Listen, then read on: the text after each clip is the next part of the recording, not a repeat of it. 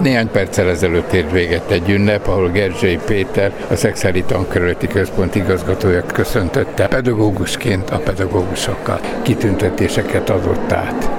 A Szexári Tankerületi Központnak van 28 intézménye, a 28 intézményünkben közel 1600 közalkalmazott dolgozik, az 1600 főből 1200 pedagógus. Sokan nagyon kiválóan végzik munkájukat, példát mutatnak gyerekeknek, kollégáiknak. 2019-ben tankerti központunk úgy döntött, hogy kitüntető díjakat alapít, hogy elismerhessük minden évben azoknak a pedagógusoknak és nem pedagógus dolgozóknak munkáját, akik tényleg kiemelkedően dolgoznak és kitűnnek a többiek közül. Köszöntő beszédében egy Konfúciusz idézetet mondott. Konfucius gondolataival köszöntem el a kollégáktól, aki azt mondta, ha egy évre tervezel, ültes rist, ha tíz évre ültes fákat, és ha száz évre, akkor nevelj és oktas gyerekeket. Nevelni és oktatni ez a pedagógusok dolga. Pedagógusnak lenni szakma vagy hivatás hivatás mindenképpen. Nem csak matematikát, nem csak történelmet, és nem csak egyéb tantárgyakat kell tanulni. Sokszor a szülők helyett szülői feladatokat látnak el, ha kell a tanulók lelkét ápolják, és nem csak tanóráikat tartják, hanem foglalkoznak a tehetségesekkel, ha kell felzárkóztatják a diákokat, tehát egy nagyon összetett, nagyon komoly feladatot végeznek. Helyman Józsefné két kitüntetés, két elismerést is kapott. Az egyik a tankerület igazgatójától, a másik miniszteri elismerés. Váratlanul ért, megmondom őszintén, mert nem számítottam rá. Örülök, mert pedagógus pályafutásom végére értem, és úgy gondolom, hogy ez nagyon-nagyon szép befejezése, ez az elismerés a 40 éves pedagógus pályafutásnak. Összegezve ezt a négy évtizedet, mi az az emlék, ami úgy rögtön eszembe jut? A gyerekeknek a csillogó tekintete hogy lett pedagógus? Kisgyerekkorom óta mindig azt szerettem volna lenni, és szerencsére mind az általános iskolában, mind a középiskolában értek olyan tanáregyéniségek, akik például szolgáltak nekem. Kisfalu általános iskolájában kezdtem, aztán egy nagyobb település gimnáziumában találtam olyan pedagógus példákat, amiknek a hatására csak megerősödött bennem ez a gondolat. Az évtizedek során hatalmas változás ment végbe. Változott a technika, de változott az oktatás módszere is.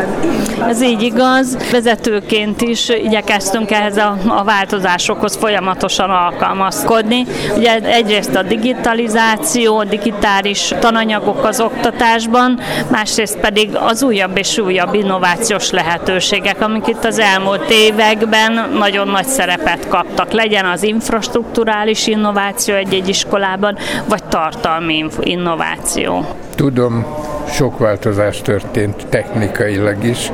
Olyan laboratóriumok lettek, ami korábban egy kutatóintézetnek is dicsőségére válna. 2012-ben még nem az öveges programban, hanem még azelőtt kaptunk lehetőséget. Az országban mindössze 12 gimnáziumban volt akkor természettudományos labor, és nem volt semmilyen minta és példa előttünk, és nem volt könnyű, hiszen akkor döbbentünk rá, hogy Magyarországon ezek a taneszközök nem állnak rendelkezésre, amit mi a laborban szeretnénk, sem biológiából, sem kémiából, sem fizikából, hanem zömében Németországból szereztük ezeket be. Tehát sikerült, és egyik nagy büszkeségem itt a Garaiban ennek a labornak az elkészült, és amit mind a mai napig nagyon nagy örömmel és szeretettel használnak a diákok.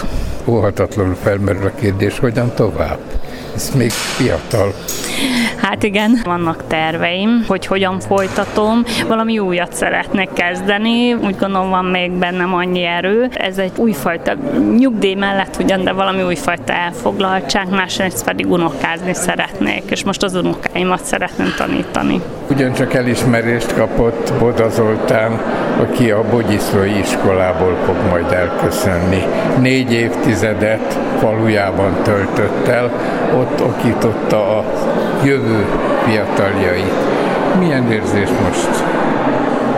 Hát először, mikor az ember nyugdíjba készül, akkor hirtelen örül, meg jaj, most majd. És most, hogy jönnek azok az alkalmak, mikor ténylegesen elköszönünk gyerekektől, szülőktől, munkatársaktól, és akár itt a tankerülettől, meg megcsillan az ember szeme. Mindazért, amit ugye eddig csinált, és az a szeretet, amivel az embert körülveszik. Mi volt, ami erre a pályára irányította? Sose gondoltam, hogy tanár leszek, és másodikos gimnazista koromban dr. Sós Lászlóné, aki még él, biológiát tanított nekem a Tolnai Földvári Mihály gimnáziumban. Ő vetette ezt föl, és ez olyan hatás volt nekem, hogy attól kezdve nem is tudtam elképzelni, hogy én más legyek. És ha végig gondolna ezt a négy évtizedet, mi az, ami úgy elsőként eszébe jut? Talán a szüleim, akik, ha meginoktam gyerekként, vagy még nem értem el ezt a tanári pályához szükséges diplomát, végig bíztattak és elhitték azt, hogy, hogy tényleg jó lesz nekem az, amit választottam. De hát sokat tudnék mondani, például a Faddi évek, én két évig dolgoztam a Faddi iskolába diploma nélkül, ott is meghatározó tanárok és tanítóknak a munkatársa lehettem, és hát még annyit, hogy akkor, mikor valaki igazgató, én legalábbis így voltam vele, álmodtam egy iskolát. Megjelentek azok a fontos dolgok, amik egy iskolába lenni kell. Bogyiszlón, ahonnit én jövök, ahon én általános iskolába is jártam. Elég sok szegény sorsú ember él, cigány közösség is. És én közöttük nőttem fel. Nagyon fontos volt, mikor vezettem ezt az iskolát, elkezdtem vezetni, hogy mindenki számára biztosítsunk esélyt. Nincs esélyegyelőség, de az esélyt biztosítani kell. És én ezt 35 évig remélem tudtam biztosítani mindenkinek, aki ebbe az iskolába járt. Most befejeződött egy szakasz az életében, de bogyiszlói volt, marad, hogyan tovább? A szülői ház Bogyiszlón van, édesanyám még szerencsére él, úgyhogy sokat leszek ott, az iskolában nem. Szeretnék olyan hiányokat pótolni, ami az életemből kimaradt, ilyen az olvasás. Sokat szeretnék kerékpározni, vigyázni az egészségemre, mert négy hónapos unokánk van, és életének szeretnék része lenni.